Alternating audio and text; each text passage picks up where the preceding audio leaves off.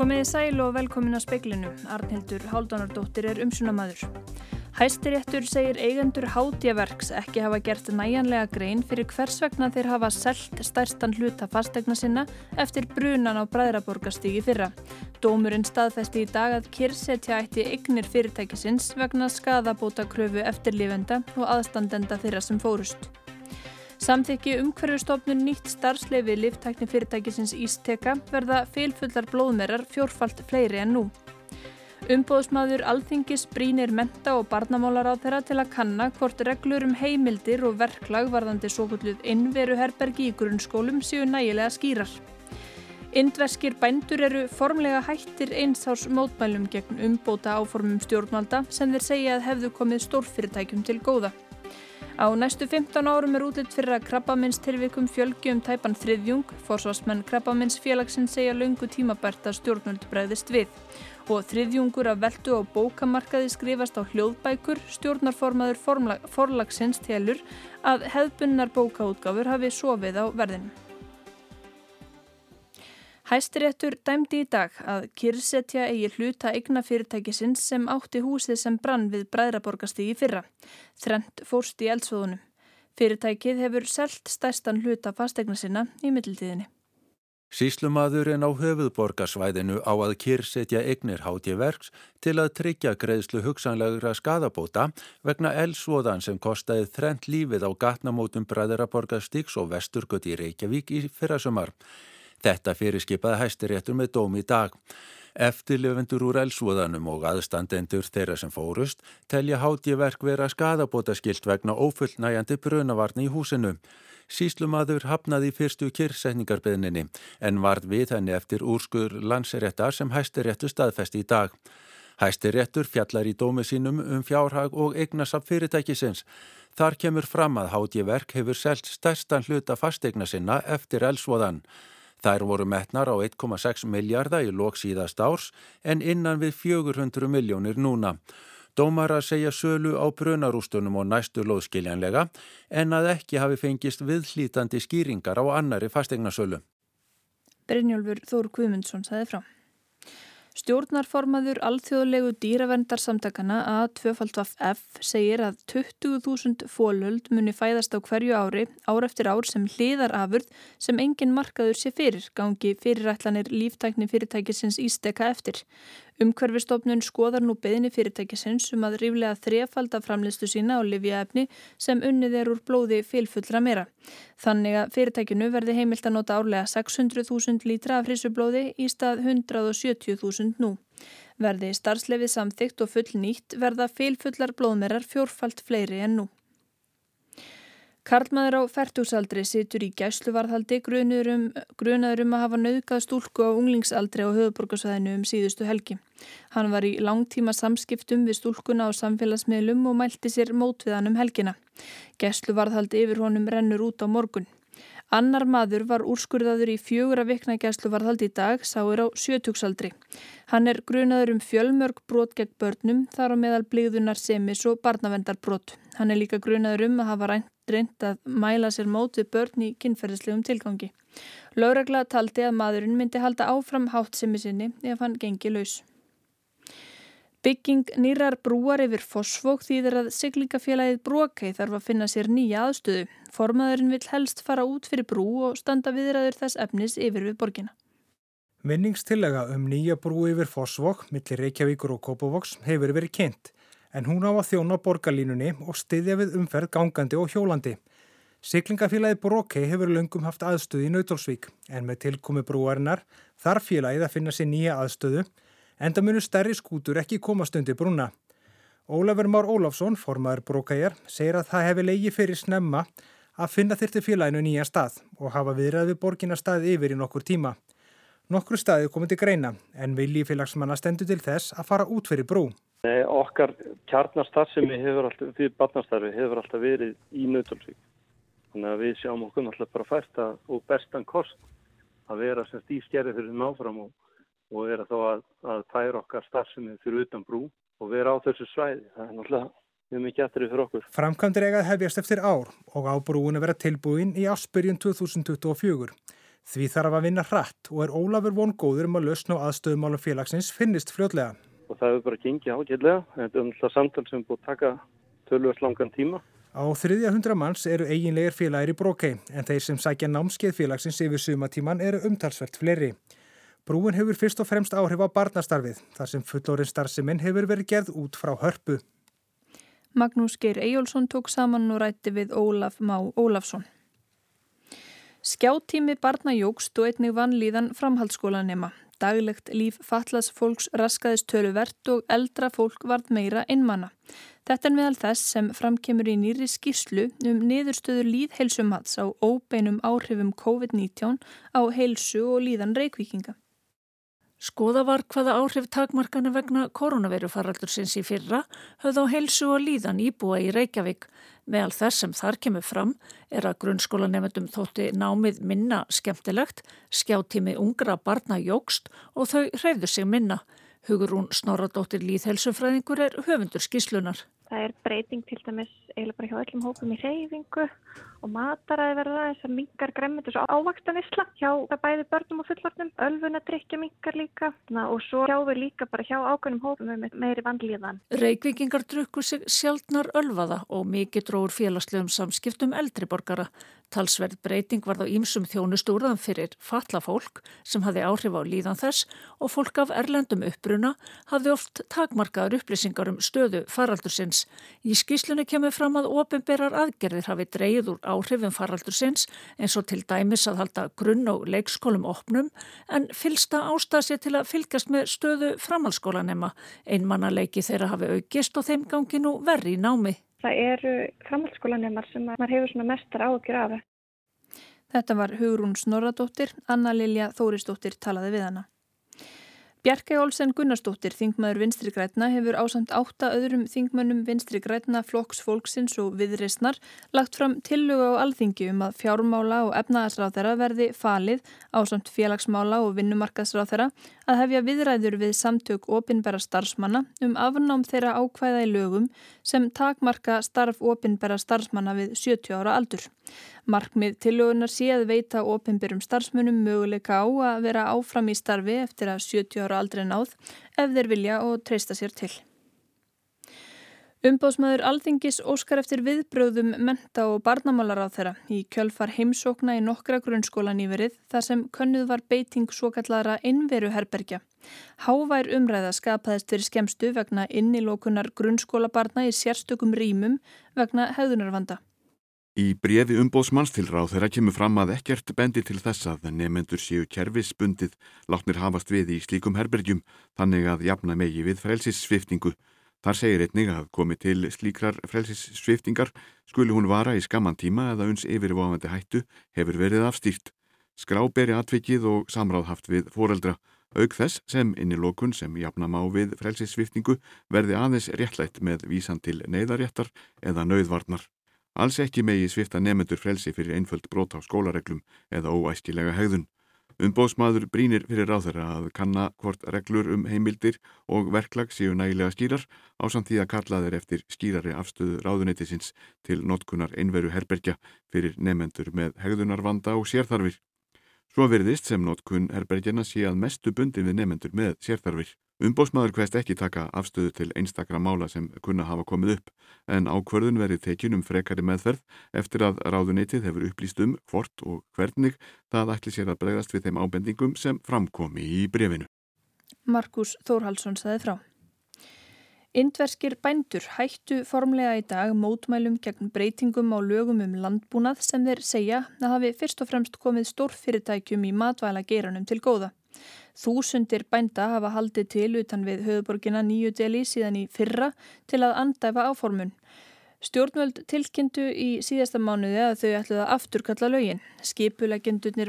Skipulegjundur mótmælina fjallust á að hætta aðgerðunum ef fallist er þá nokkrar aðrar kröfur þeirra.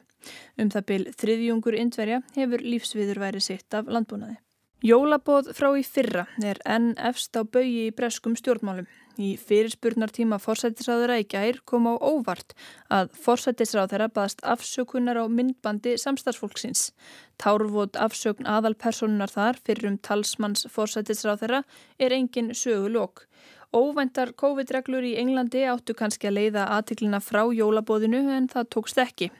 Í morgun egnaðist forsætisráð þeirra barn að öllum líkindum sjöunda barn hans og fjármögnun á forsætisráð þeirra íbúðinni enn eitt mallandi mál tengt forsætisráðra kom aftur í fréttaveldunni.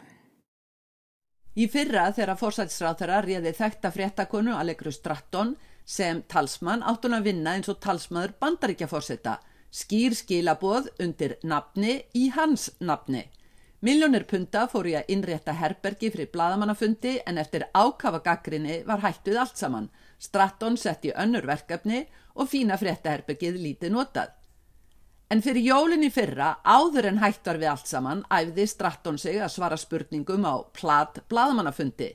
Í lokin kom vandraðileg spurning um nýjafstæðið jólaboð sem var brot á COVID-samkomiðbanni. Stratton hló kannski alltilega að fá sér ost og vín saman. No. It was a business meeting. I'm joking. This is recorded. This fictional party was a business meeting. And it was not socially distanced. Um, one more. Þetta var bara vinnufundur, er verið að taka þetta upp. Þetta partí sem ekki var, var vinnufundur. Nei, engin félagsleg fjarlæð, ein spurningi viðbútt, saði Stratton. Þessari upptöku var lekið eftir orðróm um jólaboð 18. desember í fyrra sem fórsætsráður að hafnar að hafi verið haldið. Í fyrirspurnan tíma í gær beigð hann ekki spurninga heldur vatt sér strax í afsökun. I apologize, I apologize unreservedly for the offence that it has caused up and down the country and I apologize for the impression that it gives. Forsætsráðara baðst innilega afsökunar fyrir þá móðgun sem myndbandið hefði valdið um allt land og tilfinningunni sem það gæfi. En sem fyrr, forsætsráðara saðist það verið fullvisaður um að það hefði ekki verið neitt parti, samt ráðunitistjórin myndi kannamálið. It goes without saying that if those rules were broken, then there will be disciplinary action for all those involved. Og auðvita, ef í ljós kæmi að einhver hefði broti reglur, yrði greipið til viðegandi ráðstafana, saði fórsætsráðra. Í dag var tilkynnt að rannsóknin myndi ná til þryggja bóða, þar af einn sem fórsætsráðra mætti sjálfur í. Kier Starmer, leðtó í verkamannaflokksins, sagði fórsætsráðra að spara rannsóknina, sagði hann snýrist um samstarfsfólkans, hann gæti bara spurtað. Fórsætsráðra virtist helja landsmenn algjör fíbl Starmer rifjaði upp daburlegar COVID-sögur frá partideginum.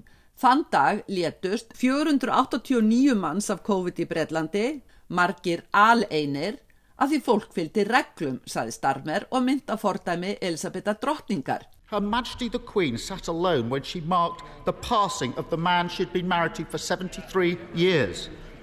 Leadership, sacrifice, that's what gives leaders the moral authority to lead. Hennar hátegn satt einn í kirkjunni þegar hún fylgdi til gravar eiginmanninum sem hún var gift í 73 ár. Forista, fornir, þetta gefur leðtóum siðferðlegan rétt til foristu, saði Starmer. Johnson grúði sig í möppuna sína, hristu höfuðið. Síðar um daginn tilkynnti útgrátin Stratton afsök sína. Um, the British people have made immense sacrifices in the ongoing battle against COVID-19. I now fear that my comments in the leaked video of the 20th of December last year have become a distraction in that fight. Brettar hefðu fært miklar fórnir í baráttunum við COVID. Nú leitu ummæli hennar í myndbandi frá í fyrra aðtiklina frá þeirri baráttu, saði Stratton. Hún baðst afsökunar myndi yðrast ummæla sinna alla æfi. Matthew Parris, ferrum þingmaður íhjálpsflokksins, saði viðtali að Stratton bættist þarna í hóp fólks sem hefði mist vinnuna vegna Johnsons sem alltaf slippi. Þegar Johnson kynnti óvænt hertar COVID-reglur í Englandi síðla dags í gær, fólk ætti til dæmis að vinna sem mesta heimann, vakti það mikla óanæju í hans eigin flokki. Reglurnar ekki drættar væri óþarfar og tilfinningin svo að fórsætsráþara væri einungis að leiða aðtiklina frá jólabóðsumræðinni. Eins og sagði á einni fórsíðu, ekki fari vinnuna, bara í parti. Í í dag bættist óvænt við. It's another busy day for Boris Johnson when, among other things, he has another baby. He faces more trouble, this time over the refurbishment of his flat. He said one thing, his WhatsApp messages suggest another. Annar annarsamur dagur fyrir Boris Johnson. Hann eignaðist barn í morgun og ný skýrsla um endurbætur og ennbætsýbúð fórsætsráþura önnur síkildsaga sínir að WhatsApp skilabóðans stangast á við fyrri framburðans. Stjórnarþingmenn eru dasaðir, samfelt uppistand vand og vesin með spillingarþef sem sprettur af stjórnartökum fórsætsráþura eða skorti á þeim, en mörgum spurningum ósvarað. Nú með það í huga að fórsætsráþura sagði ramt til varðandi íbúðina að þér virðist. Óhætt að segja að ímsir stjórnarþingmenn eru farnir að evast um liðtoga hæfileika, domgreind og fordæmi fórsætsráþara. Heldur ógott þegar aftur er verið að leggja veiruhamlur á almenning og jólin í auksín. Sigrun Davíðsdóttir saði frá.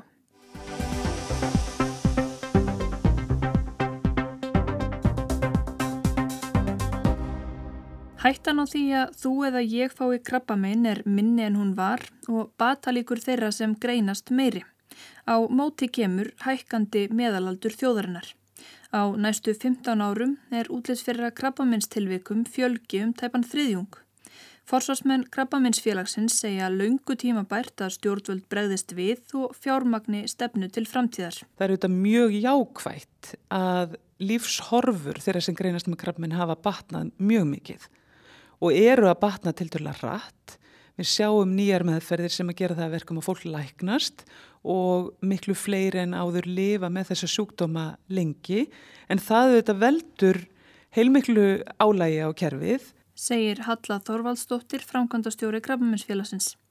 Rúmlega fjórðung allra döðsfalla á Íslandi má reykja til krabbamina.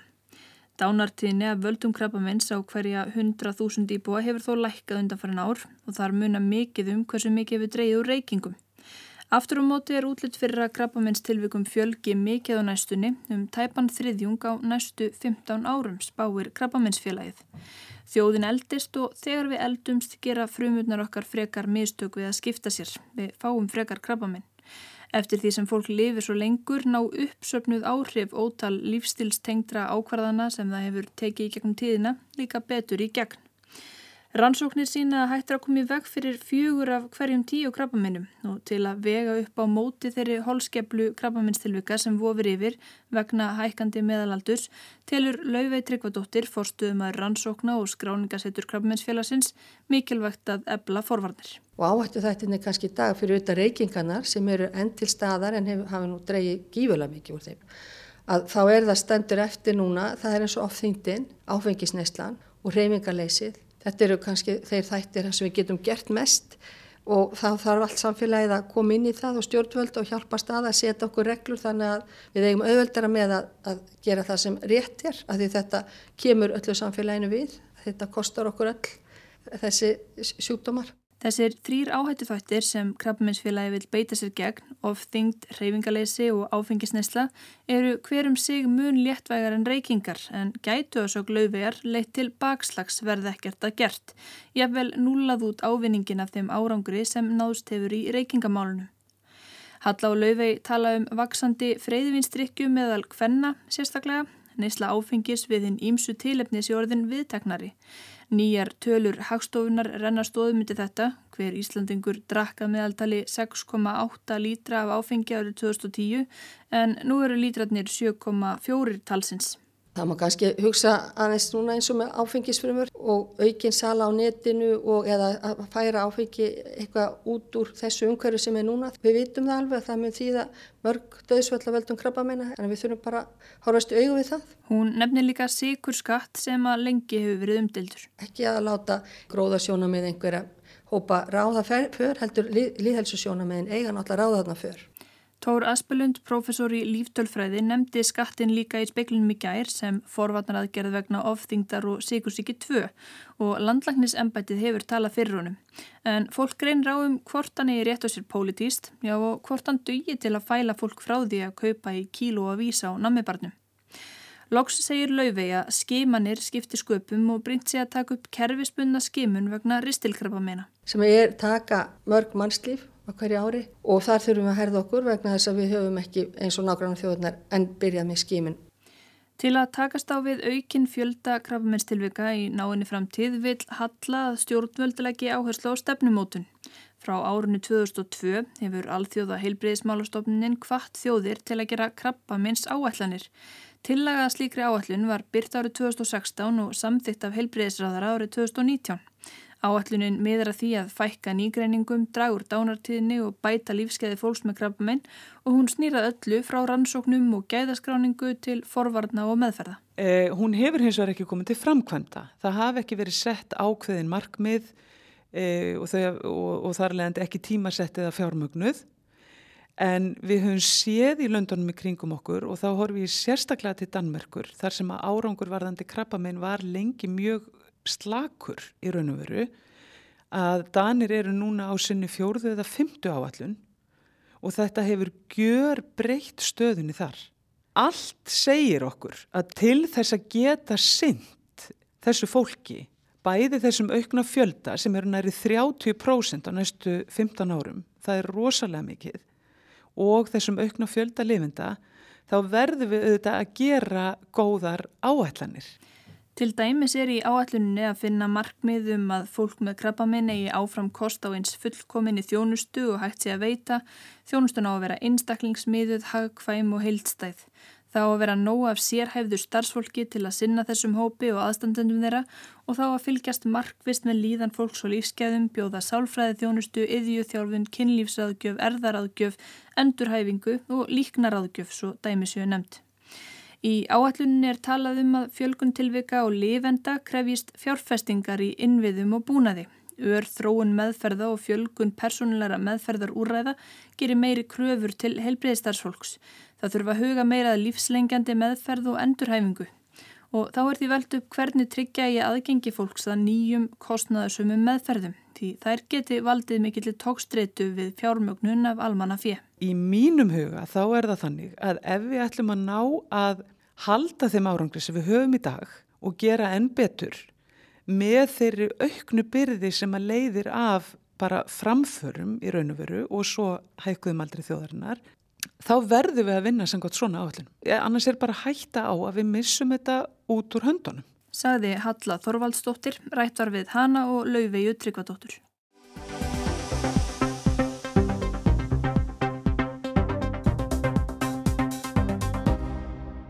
Hljóðbækur eru engin nýjung. Þær hafa verið til í ára tugi en með breyttri miðlun hafa þær ger breytt bókamarkaðunum á síðustu árum. Tittlurum hefur fjölgað úr örfáum í mörg hundruð, velta hljóðbóka er nú með þriðjungur á bókamarkaði landinu og þriðjungur af lestri er hlustun, segir Haldur Guðmundsson, riðtöfundur og stjórnarformaður forlagsins. Hann telur að hefðbundnar bókaútgáfur hafi sofið á verðinum, líkt og margar plötuútgáfur gerðu þegar streymisveiturnar tóku völdin á tónlistarmarkaðinu. Það hefur orðið stórkonslega bilding. Ég var að taka þetta saman að, að beðni hins íslenska bókmyndafélags sem er náttúrulega mjög passlegt að elsta bókmyndafélagið standi fyrir því. En það sem kom mér á óvart var að breytingin með hljóðbóka og auðvitað líka rafbókavæðingunni er slík að við höfum, og þeir sé við, þá meina nú bara fólk sem starfar innan þess að gera, alls ekki gert okkur grein fyrir því. Það er kannski tvö dæmi sem mér fannst mjög sláandi. Árið 2017 þá voru gefnar út á Íslandi nýju hljóðbækur því að þær eru gamlar eins, eins, og, þú segir. Árið 2018 þegar að eh, streymisvitan Storytel er komin inn á markaðin þá eru þær yfir 160. Eh, ef hort er á þetta ár 2021 þá stefnir í að það komi 700 nýjar hljóðbækur inn á þessa streymisvitu og þetta er ótrúlega breyting sem svona hinnar hefðbundnar í íslensku bókaútgáfur sváur svo litið af sér. Ég hef líka skoðað eh, skoðanakannaðinir og atvennar sem hafa verið gerðar um lestur og þá kemur í ljós sem ég held að sé svona nokkun veginn staðan að um það byrð þriðji hver bóklestur á Íslandi er hlustun og þegar við horfum á þetta viðskiptalega þá eh, held ég að það stefni þá þessu ári að velta Storytel verði einn þriðji af allri, allri velti bókaútgáfi í landinu. Það má fara onni þær tölu, það er, það er svona tvítalning í því og, og þarf að skoða það nákvæmar, en breytingin er samt svo að á þremur árum þá fara hljóðbækunar úr því að vera kannski einhver, einhver örfáða prósentur í það að vera hreinlega þriðjungur af bókamarkaðum. Veltan þar og síðast ári var um 3,6 miljardar króna og þar af um miljardur hjá sænska félaginu Storytel. Haldur segir að veltan hafi aukist nokkuð á síðust árum í hefðbundinu útgáfu. Þar komi líka til endurgreðsluleiðin sem mentamálaráðunettið innleti árið 2018. Eins og staðan er hér nú hefur Storytel allsaraðandi stöðu í hljóðbókum. Þar skiptir þrent höfuðmáli, áskriftar fyrirkominni verð og úrvali, segir Haldur. Óskandi að uppkæmi virkari samkeppni þó að fyrir séu veitur eins og til dæmis hlusta.is og erlenda veitan Audible. Partur af þessu uh, að útgefundur áttuðu sig alls ekki á hvað var að gerast því að þetta var byrjað að gerast erlendis og við náttúrulega höfum séð hvernig plötu útgefundur á sínum tíma voru algjörlega teknir í bólunu uh, það, það likur aldrei því að menn heldu að það yrði ekki drými fyrir þennan markað því að aðgengið að hljóðbókarsafni blindrafélagsins væri svo auðvelt og það er alveg rétt, það hefur haft mikla útbreyslu hér og og menn hafa að ná sér þar í hljóðbækur engu að síður reyndist þetta að vera stóru og mikill markaður og við verðum við þetta að segja bóklestur á Íslandi hefur aukist mjög vegna þessa. Og Haldur vill ekki gera allan mun á að hlusta og lesa. Þetta sjálfsháttilega væl sem er oft í, í íslenskum útgefundum, það á enga rétt á sér. Auðvitað eru bækur og það vita allir sem þú vilt frekar hafa í höndunum það eru myndabækur, það er kannski fræðrið, það er rít það sem þú þarf að fletta fram og tilbaka. En það getur líka verið alveg stórkostlega skemmtilegt að hlusta á skaldsugur ef það eru vel lesnar og höfundunum, höfundunum tekst að lesa vel eða einhvern sem hefur tengsl við tekstan. Og svo er náttúrulega annað sem er að gerast í þessu. Það er að koma æg fleiri bækur sem eru frum útgefna sem hljóðbækur og hvað, hvað er þá að fæðist? Ég held að þá sé að verða til sko ný bókmyndategund sem er gerð fyrir þessa miðlun og endur vekur það þá ekki bara hérna gömlu klassísku íslensku munlegu frásanalist og við fögnum því. Í fyrra ætlaði stóri til að kaupa meiri hlutan í forlæginu. Af því var það ekki, heldur var gerður samstarfsamningur þeirra á milli og margar bækur Forlagsins koma nú á hljóðbókaformi. Ritthöfundasambandi saðist í fyrir að vantreista Storytel, ótaðist að salamyndi þrengjað höfundum, vegað frelsi þeirra og menningarlegri áherslu. Uðvitað er alveg sjálfsagt að horfa krítist á ýmsa gallar sem fylgja þessu og ýmislegt sem mætti laga. En sjáum til dæmis það sem er að gerast núna og mun áfram gerast næstu árin. Mjög mikið af síkildum íslenskum bókum er að koma út aftur. Bækur sem enginn hefði kannski lagt í að endurprenta af því það væri of dýrt, myndi ekki svara kostnaði en það er að koma sem hljóðbækur eða rafbækur. Því að núna í gegnum streymisveitunar eru rafbækuna líka að taka við sér. Þó að þær séu kannski 3-5% af stóri til veldunni þá er aukningin mikil þar. Og við meðum heldur ekki gleyma því að með þessara aðferð og við skulum segja kannski að meðal hlustun hjá Storytel séu tvær bækur á mánuði þá fá áskrifendur bækur á verði sem er eitt fjórði af því sem verð prentara bókar margir kostur í þessu fyrir neytandan En hvernig er tekjustreymið til útgefindatu og höfundar? Það er vaksandi. Ég er alveg samálað því að það mættu vera greitt herri höfundalögn. Ég náttúrulega hef setið allar hengin við þetta borð. En þá getur maður sagt, segjum höfundur fái 100 krónur fyrir einhver hlust á sögunans en fyrir sem höfundalön fyrir nýja prentaða bók væri kannski 6-700 fyrir eintækið. Móti kemur að þú fær borga fyrir hverja hlustun meðan uh, tíu manns geta að lesa eina prentaða bók til þess komi. Þetta er hins var að sjálfsögðu bara samningsatrið þar sem bara höfundar og útgefundur verða að vera á tánum og mega ekki vera sofandi eins og þeir voru fyrir nokkrum árum. Veðurhorfur, auslæg átt og dáli til væta en úrkomi lítið um landið norðvestanvert. Norðlægar á morgun og víða bjart en dáli til jél norðan til fram eftir degi, kólnar í veðri. Fleira er ekki í speklu kvöldsins. Tæknumæður var Magnús Þorstedt Magnússon. Verðið sæl.